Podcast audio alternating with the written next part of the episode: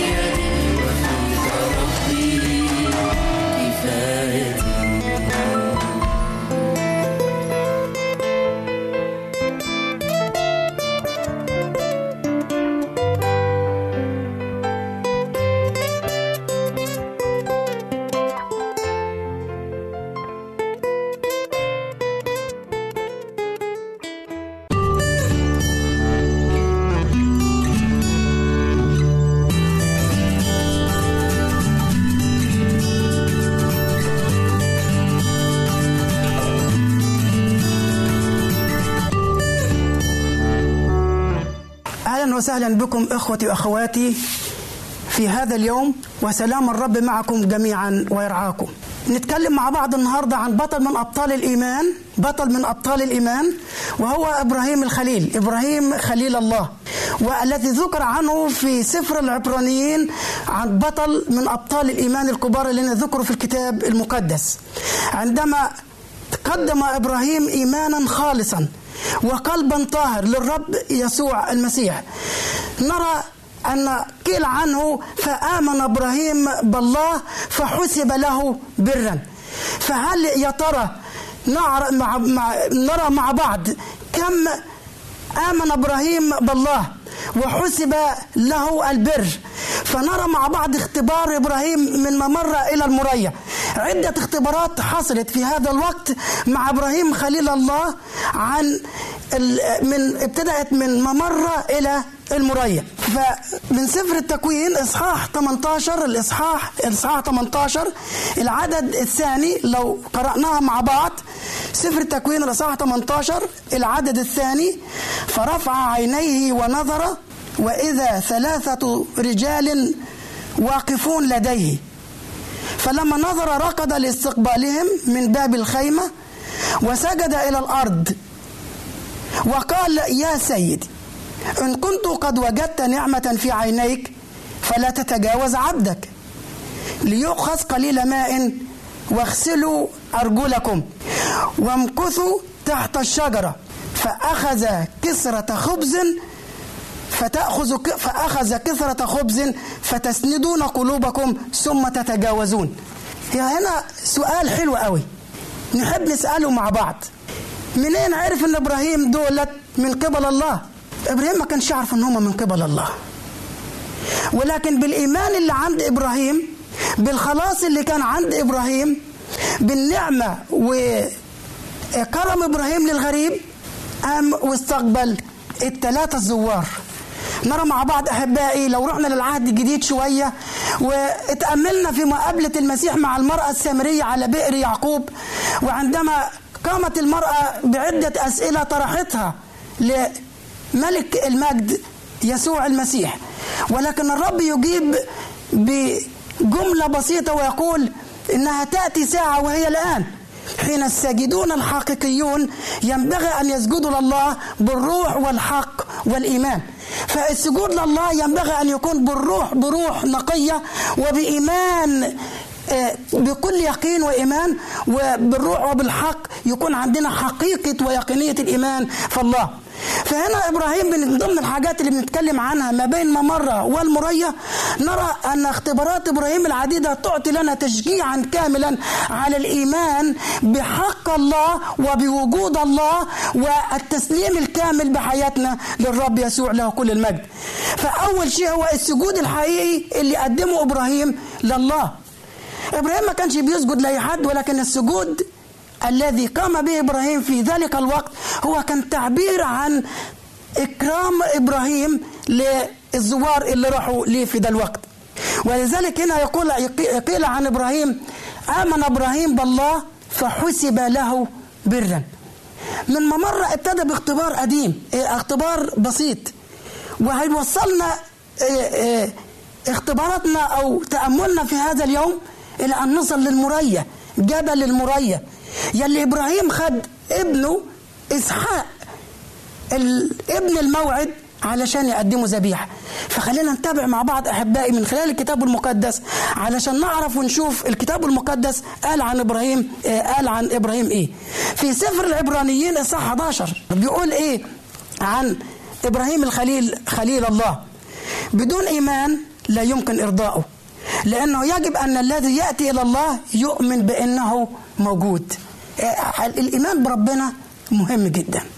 ان أنا اؤمن بالله له كل المجد. الإله الواحد. الإله كلي الوجود. كلي القدرة. يجب أن أؤمن باله بالإله الواحد. وهذا هو الذي آمن به إبراهيم. آمن بالله فحسب له بر. وقال كلمه جميلة جدا للزوار. إن كنت قد وجدت نعمة في عينيك فلا تتجاوز عبدك. ما أجمل هذه العبارة. أتمنى من كل واحد منا أعزائي المشاهدين بكل إيمان يقول يا رب إن كنت أنا عبدك وجدت نعمة في عينيك. أي نعمة أنا أجدها في عيني الله. الإنسان الخاطئ ما فيش نعمة عنده بقى أبدا ما فيش اتصال بينه وبين الله. ولكن الإنسان المؤمن زي إبراهيم الخليل بيقول إن كنت قد وجدت نعمة في عينيك. فلا تتجاوز عبدك. يعني ما تعديش من قدامه خلاص. أنا محتاج تعطيني بركة. أنا محتاج تميل إلى بيتي. أنا محتاج يا رب تيجي تدخل لبيتي عشان ما تت... لا تتجاوز عبدك. ما تتجاوزش عبدك لأن أنا وجدت نعمة في عينيك. هل أنا وأنتم بنجد نعمة في عيني الله؟ ليت الرب يباركنا ويساعدنا إن إحنا فعلا نكون بإيماننا فيه؟ نجد النعمة لكي لا يتجاوز الرب عنا. عندما مر الرب في طريقه إلى أريحة ذات يوم ورأى زكى على شجرة ولكن يقول الرب لزكى اسرع وانزل لأنه ينبغي أن أمكث اليوم في بيتك. إذ وجد نعمة في عيني زكى فلم يعبر عنه أو يتجاوزه ولكنه طلب من زكى النزول من على شجرة لكي يراه لأن الرب ماكث اليوم في بيته. يساعدنا الرب إن إحنا نطلب منه أن يأتي الرب ويمكث في بيوتنا وفي قلوبنا بالإيمان لكي ما نرى الخلاص الكامل ونؤمن بإيماننا الكامل في المسيح يسوع إنه يتقابل معنا يوما بعد الآخر وساعة بعد الأخرى. الحاجة الثانية أحبائي اللي بتكلم عنها النهاردة ودي كانت ودي حاجة مهمة جدا جدا السجود والشركة. إبراهيم كان عنده سجود حقيقي قدم السجود الحقيقي لله بإيمان وبقلبه خالص. الم... النقطة رقم اثنين إبراهيم قدم سجود وشركه لله. يا ترى أي شركة قدمها إبراهيم للرب في ذلك الوقت؟ وما نوع الشركة التي قدمها إبراهيم؟ على جبل حبرون.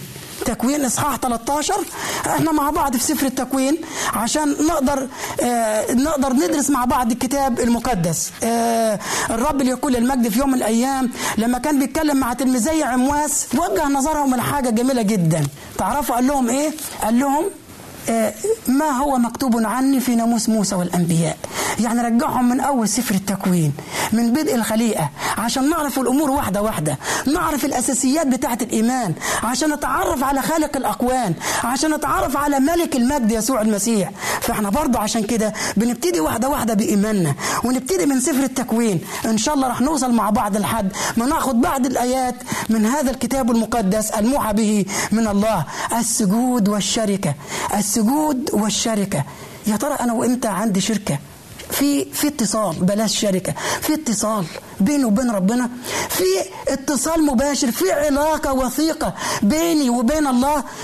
في النقطة اللي قبليها قلت إبراهيم قال إن كنت قد وجدت نعمة في عينيك لا تتجاوز عبدك. أنا مش عايزك تعبر. وإذا لم يتجاوز عبده بل مال إليه وباركه وقال له بالابن الموعود إسحاق ونرى الش... ال... ال... العلاقة الحميمة التي كانت بين إبراهيم وبين الله. شركة جميلة جدا. بيقول عن هذه الشركة في في في تكوين إصحاح 13 الآية 18 فنقل إبراهيم خيامه وأتى وقام عند بلوطات ممرة التي في حبرون وبنى هناك مذبحا للرب. دي أهم نقطة. عشان يبقى فيه شركة علشان يبقى فيه علاقة علشان يبقى يكون فيه مودة بين إبراهيم والله. لما حب إبراهيم ينقل خيامه من ممرة بعد ما تقابل مع الرب قال يا رب أنا مش هسيب المكان ده وخلاص اللي أنا اتقابلت معاك فيه. تعرفوا عمل إبراهيم؟ بنى مذبح. والمذبح يدل عن العبادة الحقيقية. بنى مذبح للرب في المكان اللي كان فيه. هل أنا وأنت عندي مذبح في بيتي للرب مكان في قلبي للرب مكانه في حياتي. هل للرب نعمة وجدها في عين وجدت نعمة في عيني؟ الله. هنكمل مع بعض. النقطة رقم ثلاثة إذا أخذنا السجود والشركة مع الله دلوقتي بنتكلم عن السجود واتكلمنا عن السجود والشركة. النقطة رقم ثلاثة عن السجود والسلوك الغريب. ودي نقطة جميلة جدا. إبراهيم كان في كل مكان بيعتبر نفسه في غريب بيمشي. لأنه الكتاب المقدس قال عن موسى برضه نفس الطريقة إذ بالإيمان لما كبر موسى بالإيمان لما كبر أبى أن يدعى ابن ابنة فرعون مفضلا بالأحرى أن يذل مع شعب الله حاسبا عار المسيح غنى أعظم. من خزائن مصر لأنه كان ينظر إلى المجازاة إلى المدينة التي مؤسسها وبارئها هو الله. الله هو المؤسس. فكان دايما بيقول على نفسه أنه هو غريب. فإبراهيم بيتكلم عن الأرض اللي إحنا فيها غربة. حتى يعقوب من بعده حفيده قال إن الأرض اللي إحنا فيها عايشين غربة. إبراهيم لما زوجته سارة ركضت على رجاء القيامة. وراح لأهل شكيم. وقال لهم غريب أنا ونزيل عندكم. أنا غريب. أنا غريب ونزيل عندكم. عايزين نتقابل مع بعض في المستوى الرفيع في الإيمان بالنسبة لإبراهيم. للمكانة الرفيعة اللي إبراهيم وصل ليها. قال لهم غريب أنا ونزيل عندكم. لكن نلاقي الناس اللي غير مؤمنين أهل شكيم اللي غير مؤمنين يردوا على إبراهيم ويقولوا له لا.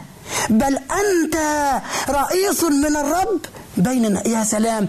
ما أجمل هذه العبارة أحبائي لكل إنسان مؤمن بجد. أنا عايز أشاركها مع كل واحد منكم. إبراهيم بيقول لناس غير مؤمنين بالمرة. ناس أقدر أقول لكم ما يعرفوش شيء عن الله في الوقت اللي كان فيه إبراهيم. وإبراهيم يقول لهم غريب أنا ونزيل بينكم. ولكن الثاني يرد على إبراهيم ويقول له إيه؟ لا. بل أنت رئيس من الله. بيننا. انت جيت عشان تعرفنا إحنا نمشي إزاي.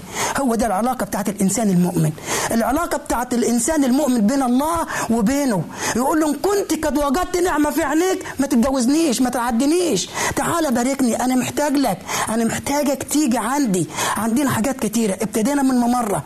ومشينا لحد جبل حبرون. لما إبراهيم نقل خيمته وبنى مسبح للرب.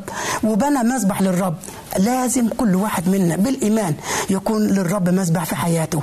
أحبائي دلوقتي هنروح لفاصل سريع ونرجع مع بعض عشان نكمل حياة الخليل إبراهيم. ونكمل إبراهيم كان بيتكلم ويقول إيه في الأيام اللي جاية. خلينا ناخد فاصل ونرجع لكم مرة تاني.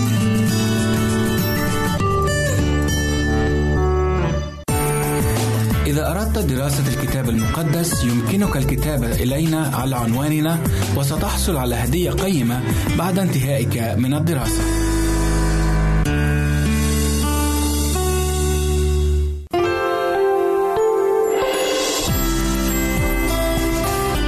هنا إذاعة صوت الوعد. لكي يكون الوعد من نصيبك.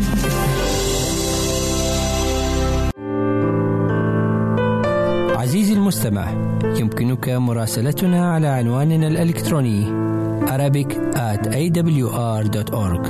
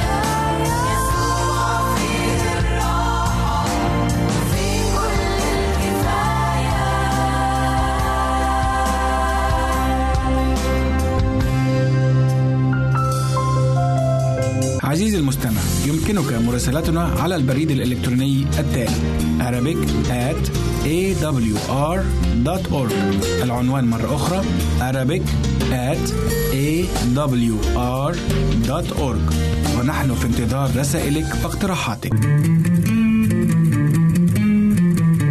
أنتم تستمعون إلى إذاعة صوت الوعد.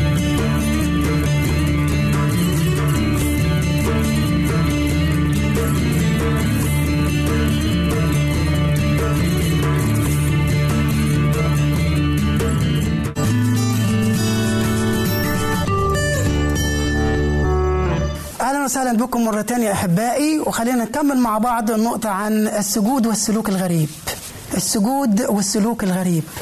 وعرفنا في المرة اللي فا... المرة اللي فاتت عن كيف إبراهيم عاش بالسلوك الغريب. عاش بالإيمان وحسب نفسه إن هو غريب. عاش بين جماعة أشرار ولكن ما أخدش منهم. عاش في أرض غريبة ولكن كان بينظر للميعاد لأرض الميعاد عاش في أرض غربة طويلة ولكن كان بينظر للموعد اللي الرب وعده بيه. كان بينظر لمجيء الله. كان بينتظر اليوم اللي الرب هيجي له فيه ويحقق كل المواعيد التي قيلت له وفي نسله ولنسله.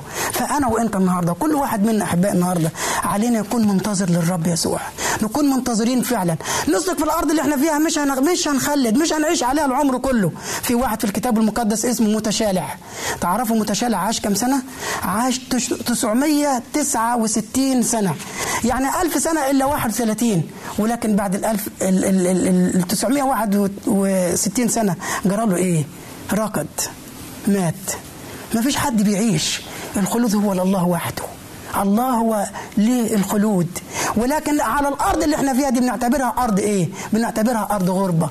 عايزين نعيش لله. ننتظر المواعيد الثمينة اللي الرب وعدنا بيها. ننتظر مجيئه ننتظر عودته لينا عشان نسيب أرض الغربة ونعيش في الوطن الأبدي نعيش في المدينة المفدية نعيش في الوطن السماوي نعيش في, في, في وطن لا يضمحل ولا يزول حيث لا حزن ولا وجع ولا صراخ ولا ألم ولا شيء من مثل هذا لأن الأمور الأولى قد مضت زي ما قال في رؤيا يوحنا اللاهوتي الكل قد صار جديد كل شيء قد صار جديد. فخلينا نسلك بالإيمان كما سلك أبونا إبراهيم الخليل من قبلنا. خلينا نسلك في الأرض الغربة اللي إحنا عايشين فيها. يعقوب في يوم من الأيام لما وقف قدام الملك فرعون وبيسأله فرعون عن كم هي سنيه حياتك. قل لي يا يعقوب أنت عمرك كم سنة؟ كم هي سنيه حياتك؟ ولكن نلاقي يعقوب الرجل البسيط يصحح السؤال لملك. راجل بسيط. من وراء رعي الغنم. يصلح سؤال لملك ويقول له سنية أيام غربتي. يا ملك إحنا عايشين كلنا في غربة. سنية أيام غربة ماء وثلاثون سنة وقليلة وأكثرها تعب وبلية. ولم تبلغ كسنية أيام أبائي في غربتهم. مش زي مش زيهم. كمان أنا عمري ما اعيش زي ما أبائي ما عاشوا. أنا عايشين في غربة أحبائي. اعمل للمسيح. اعمل لحياتك. اكنس للسماء. ما تكنسش في الأرض حيث لا يفسد سوس ولا صدق ولا ينكب سارقون ويسرقون عيش واسلك في النور. ده اللي إحنا اتكلمنا عنه. نقطة جميلة جدا. مشينا من الم... من من ممرة وإبراهيم كان قاعد عند باب الخيمة وصل إبراهيم واتنقل من حبرون ولما تقابل مع الرب وحياة إبراهيم فيها اختبارات كتيرة. يتحقق الميعاد لما زاروه الزوار الثلاثه وقالوا له في مثل هذا الميعاد سارة امرأتك تحمل ولدا. يكون معها ولد ابن الميعاد. لما قال الرب ليكون المجد وفي في نسلك تتبارك جميع أمم الأرض جميع قبائل الأرض. وخلاه قال له عد عد نجوم السماء إن أردت أن تعدها في نسلك لا يعد من الكثره يكون أكثر من الرمل التي على شاطئ البحر. ودي بركة كبيرة. والبركة مش في العدد كمان. الأهم من ده كله إن المخلص المسيح يسوع المسيح ليكون المجد مجدا للرب. أتى من نسل إبراهيم. ويمر إبراهيم بأصعب أصعب اختبار في حياته. أصعب اختبار في حياته. من ممر لما يوصل لجبل المريا ابن الموعد اللي استناه سنين كتيرة ياما سنين كتيرة استناه إبراهيم فيها. ولما يجي إسحاق ويفرح بيه ويفرح بيه يلاقي نفس الصوت العذب الحنين. اللي فعلا يميزه إبراهيم وقال آه هو اللي في يوم من الأيام دوت اللي جه زارني وأنا عندي باب الخيمة وقال لي يا إبراهيم زي الوقت دوت مراتك سارة هيكون معاها ولد. النهارده بيقول خد ابنك. بيديله بيديله كل التعليمات على رب إبراهيم يغلط وياخد إسماعيل. بيديله كل التعليمات ابنك وحيدك الذي تحبه إسحاق. اداله هوية كاملة عنه. معلومات كافية عن مين اللي هياخده يقدمه ذبيحة. ولكن هنا يمكن واحد منا يسأل رب سائل من اعزائي المشاهدين يسأل ويقول طب هو الرب بيقبل ذبيحة بشرية؟ بولس الرسول قال لنا كلمة جميلة جدا. أطلب إليكم أيها الإخوة برأفة الله أن تقدموا أجسادكم ذبيحة حية. ذبيحة بشرية الرب بيقبل. طب أمال يعني إيه اللي بيقولوا خلينا نكمل الآية اللي قالها القديس بولس الرسول. أجسادكم ذبيحة حية. مرضية. عند الله. ويجي خاتمها كلمة جميلة جدا. هل نروح أقدم نفسي ذبيحة؟ لا. بولس الرسول ما يقصدش كده خالص. لكن بقول هي عبادتكم الإيه؟ العقلية. يعني معناها إن أنا أكون بقلبا وقالب بفكري بنظراتي بشهواتي برغباتي. بكل اللي فيا أكون مقدس للرب. لأن بدون القداسة لا يستطيع احدا ان يرى الرب.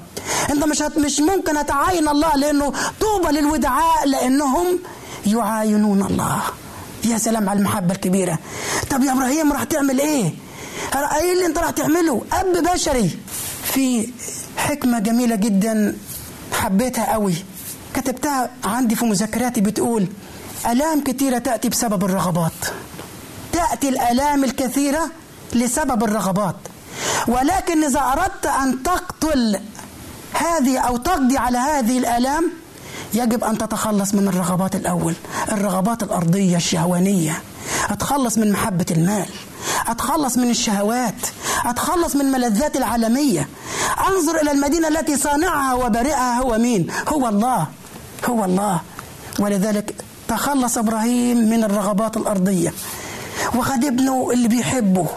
ومشي مسافة طويلة علشان يروح من لحد جبل المريا يا سلام يا رب. ده اختبار صعب. ده اختبار صعب. ما فيش ولا واحد حاليا في أيامنا اللي إحنا فيها يقدر يتحمله. مين يقدر يتحمل إن ياخد ابنه؟ تحط نفسك في مكان إبراهيم. حط نفسك في مكان إبراهيم. لو أنت مكان إبراهيم ما تقوليش أنا عندي عشر أولاد مش مشكلة. لو خدت واحد ذبحت يبقى أنا عندي لسه تسعة. ما تقولش أنا عندي اثنين اهو يتبقى عندي واحد. بس إبراهيم كان عنده واحد. خد ابنه الذي يحبه إسحاق وذهب به إلى جبل المريا ويجي الشيطان علشان يجرب إبراهيم بأصعب الأسئلة. وتجيله من مين؟ تجيله من ابنه إسحاق. يا اب معانا الحطب والنار والسكين. ولكن أين الذبيحة؟ ولكن إبراهيم خليل الله بالإيمان يقول لإسحاق إيه؟ الله يرى لنفسه إيه؟ الذبيحة. هو أنا مش اللي راح اقدم الذبيحة. الرب اللي هيقدم اللي هيقول الذبيحة إيه هي يا إسحاق يا ابني. تعالى ولما يروح إبراهيم علشان يقدم الذبيحة بيقول الكتاب المقدس عنه رأى المكان نظر المكان من بعيد. طب معاه ناس عبيد. حياة إبراهيم ومستوى إبراهيم في الإيمان يختلف عن اللي معاه. إبراهيم يختلف عن اللي معاه في الإيمان. تعرفوا قال لهم إيه؟ أجلسوا أنتم ها هنا. أجلسوا أنتم ها هنا. مع الحمار. اصل هو ما يقصدش إن هو يقول لهم إنكم أنتوا من مستواه ولكن الإيمان بتاعكم ضعيف. الرب ليه كل المجد في يوم في مرة من المرات وفي سفر أرمية وفي سفر اشعياء ذكر الحاجات ديت وقال شعبي ما بيفهمنيش. شعبي مش عارفني. الحمار يعرف صاحبه والثور ما عرف معلف أني وأما شعبي لا يفهم. وقال لهم اجلسوا أنتم هنا مع الحمار وأما أنا وأما نحن فنذهب ثم نقدم ذبيحة ثم نرجع إليكم. ما قالش هنروح أقدم ذبيحة وهاجي ليكم أو هنروح نقدم ذبيحة وأرجع ليكم. لكن اتكلم في الأول بالجمع وفي الآخر بالجمع.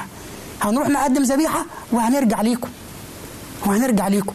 لأنهم كانوا ممكن يعقوه كان ممكن يخلوه ما يقدمش اسحاق ذبيحة. كان ممكن يقولوا له إيه الجنان اللي أنت فيه؟ كان ممكن يقولوا دي مش عبادة. ربنا ما بيقبلش العبادة بتاعت الذبيحة البشرية. يا إبراهيم أنت تخليت عن الإيمان وبتاع الآباء. ولكن إبراهيم يقول لهم اجلسوا أنتم هنا مع الحمار وأما أنا والصبي فنذهب. لنقدم ذبيحة للرب ثم نرجع إليكم. يا سلام على المستوى الرفيع في الإيمان. يا سلام على المحبة والعلاقة. عشان كده بيقول الكتاب عنه آمن إبراهيم بالرب. فحسب له بر. الرب عايز البر. أي نعم بري أنا وأنت كثوب عدة بالنسبة لبر الله. ولكن الرب هو اللي بيكمل برنا. بيكمل لنا الإيمان. فخلينا ننتظر الرب. راح إبراهيم علشان يقدم إسحاق ذبيحة بكل الإيمان. وبالعنه في سفر العبرانيين إصحاح 11 لأنه كان عالما أن الرب قادر أن يقيمه من الأموات. الرب قادر على أن يقيمه من الأموات. لآخر لحظة من اللحظات. ولكن يرسل الرب ملاكه لكي لا يمسك بقبضات يدي إبراهيم. قائلا له الآن رأيت أنك إيه أمين. شفت أمانتك ليا شفت محبتك ليا حتى إنك لن تمنع ابنك وحيدك عني. تكسيرا أكسر نسلك فلا يعد من الكسرة. فلا يعد من الكسرة. ويشوف يلاقي كبش الفداء لإسحاق. هو ذا حمل الله الذي يرفع خطية العالم. من ممرة للمرية اختبارات كتيرة. ليا وليك اختبارات كتيرة من الممرة بتاعتي للمرية التانية. إيمان صغير ابتدى من عند باب الخيمة لإبراهيم. وصل الإيمان يعلى ويعلى ويعلى لحد ما وداه على جبل المرية. ويقول الرب آمن إبراهيم بالله فحسب له بر. ده أنا وأنت أحبائي. عايزين نبتدي من جبل المرية. من ممرة لحد ما نروح للمرية. نقول يا رب أنت اللي تساعدنا. وانت اللي تدينا قوة. تكون عندنا علاقة وثيقة وحميمة بيك. خلونا أحبائي عشان علاقتنا تدوم مع الله. نحن جميعا رؤوسنا للصلاة. ملك الملوك رب الأرباب بنشكرك على محبتك وعلى نعمتك وعلى خلاصك لينا. باركنا وبارك حياتنا في اسم المسيح. ليبارككم الرب أحبائي على أمل أن نلتقي بكم مرة أخرى. وبطل من أبطال الإيمان في الكتاب المقدس. أو شخصية مهمة في الكتاب المقدس عشان نعرف مؤمنين الله وقديسين الله. ناخد منهم مثل وعبرة نقتدي بها في حياتنا ونعيش كما يحق لإنجيل المسيح ولقديسين الرب يسوع المسيح في حياتنا عشان نعيش حياة القداسة. الرب معكم ويبارككم الآن وإلى الأبد.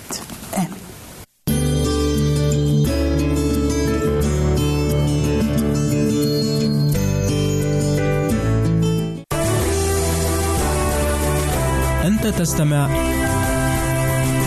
إلى إذاعة صوت الوعد.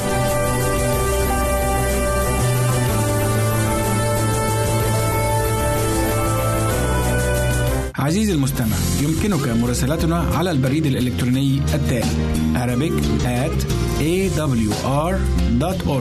العنوان مرة أخرى Arabic at awr.org ونحن في انتظار رسائلك واقتراحاتك.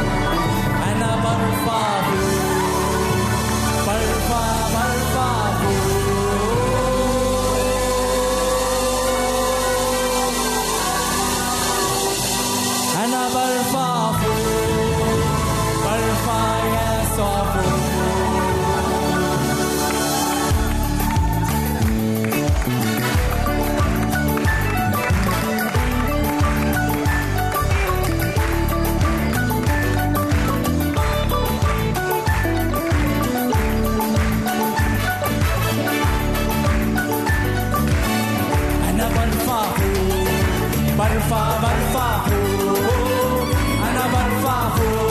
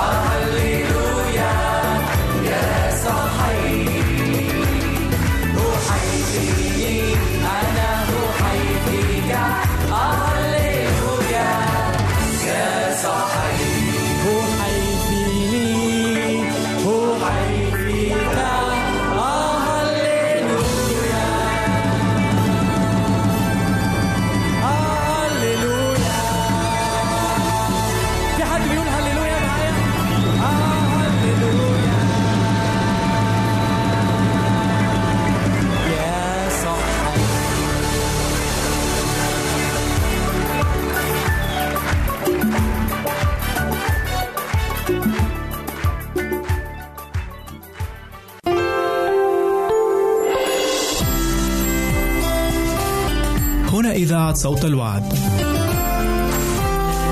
لكي يكون الوعد من نصيبك.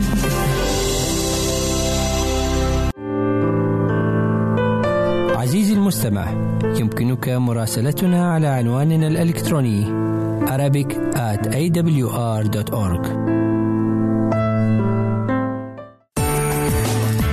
أردت دراسة الكتاب المقدس يمكنك الكتابة إلينا على عنواننا وستحصل على هدية قيمة بعد انتهائك من الدراسة. أعزائي المستمعين يسعدنا أن نلتقي معا في لقاء روحي جديد من برنامجكم من وحي الكتاب بعنوان كل روح نعيش فيه دقائق مع خطر الأرواح الشريرة والأخطار التي قد نتعرض لها. إذا سمحنا لهذه القوى أن تدمر حياتنا الروحية. ولهذا يوصينا الحبيب يوحنا رسول السيد المسيح ألا نصدق هذه الأرواح وذلك في رسالته الأولى الفصل الرابع والآية الأولى أيها الأحباء لا تصدقوا كل روح بل امتحنوا الأرواح. هل هي من الله؟ لأن أنبياء كذب كثيرين قد خرجوا إلى العالم. نجد في آية هذا اليوم كيف يمارس الله في رحمته قوته الحافظة في صالح أولاده. فهو يريد أن يصونهم من الخداع بالأرواح الشريرة التي تظهر في هيئة ملائكة من النور. يضع الكتاب المقدس سياجا واقيا فيما يختص وإيمان المؤمنين. فهو يوضح الأمور التي يمكننا أن نركز عليها إيماننا دون خوف وتلك التي ليس من المأمون. تركيز الإيمان عليها عديدة هي الأرواح التي تتنافس لجذب انتباه الناس. فهناك ملايين من الملائكة الأشرار الذين ظلوا على الأرض منذ سقوط لوسيفر. وكما يقول الكتاب فطرح التنين العظيم الحية القديمة المدعو إبليس والشيطان الذي يضل العالم كله. طرح إلى الأرض وطرحت معه ملائكته. ليست الشياطين مجرد خرافة أو أسطورة بل هم كائنات حقيقية وقوية وهذا يفسر جزئيا التجارب العنيفة التي نتعرض لها والعادات التي تتأصل في بعض الناس والتي تبدو مستحيلة القهر. هذه العادات تحكم وثاقها علينا من قبل قوى شيطانية ولا يمكن التغلب عليها إلا بقوة الله. وهذه الأرواح الشريرة تفعل ما هو أكثر من مجرد تجربتنا لنخطئ فهم يقضون وقتا طويلا في الإيعاز بالشكوك في عقول الناس فيما يختص وصدق كلمة الله. عالمين جيدا أن الشخص الذي لا يقرأ كلمة الله ولا يؤمن بها هالك لا محالة. وقد صدق الرسول بولس فيما كتبه عن تلك الأرواح الشريرة. في رسالته الثانية إلى أهل كورنثوس الإصحاح الحادي عشر والآيات من 13 إلى 15 حيث يقول لأن مثل هؤلاء هم رسل كذبة فعلة ماكرون مغيرون شكلهم إلى شبه رسل المسيح ولا عجب لأن الشيطان نفسه يغير شكله إلى شبه ملاك نور. فليس عظيما إن كان خدامه أيضا يغيرون شكلهم كخدام للبر الذين نهايتهم تكون حسب أعمالهم. واليوم أصبحت الظواهر والإعلانات الشيطانية علما يجتذب العديد من الناس ولكنه علم زائف. وفي بعض الحالات أصبحت الروحانية دينا عند بعض الناس ولكن مهما كان القناع الذي تتستر خلفه هذه الأرواح الشريرة فكل هدفها هو محاولة إقناع الناس بأن لا وجود لها. ولهذا تنصحنا كلمة الله ألا نؤمن بكل روح خرج إلى العالم. أماننا الوحيد يوجد في كلمة الله.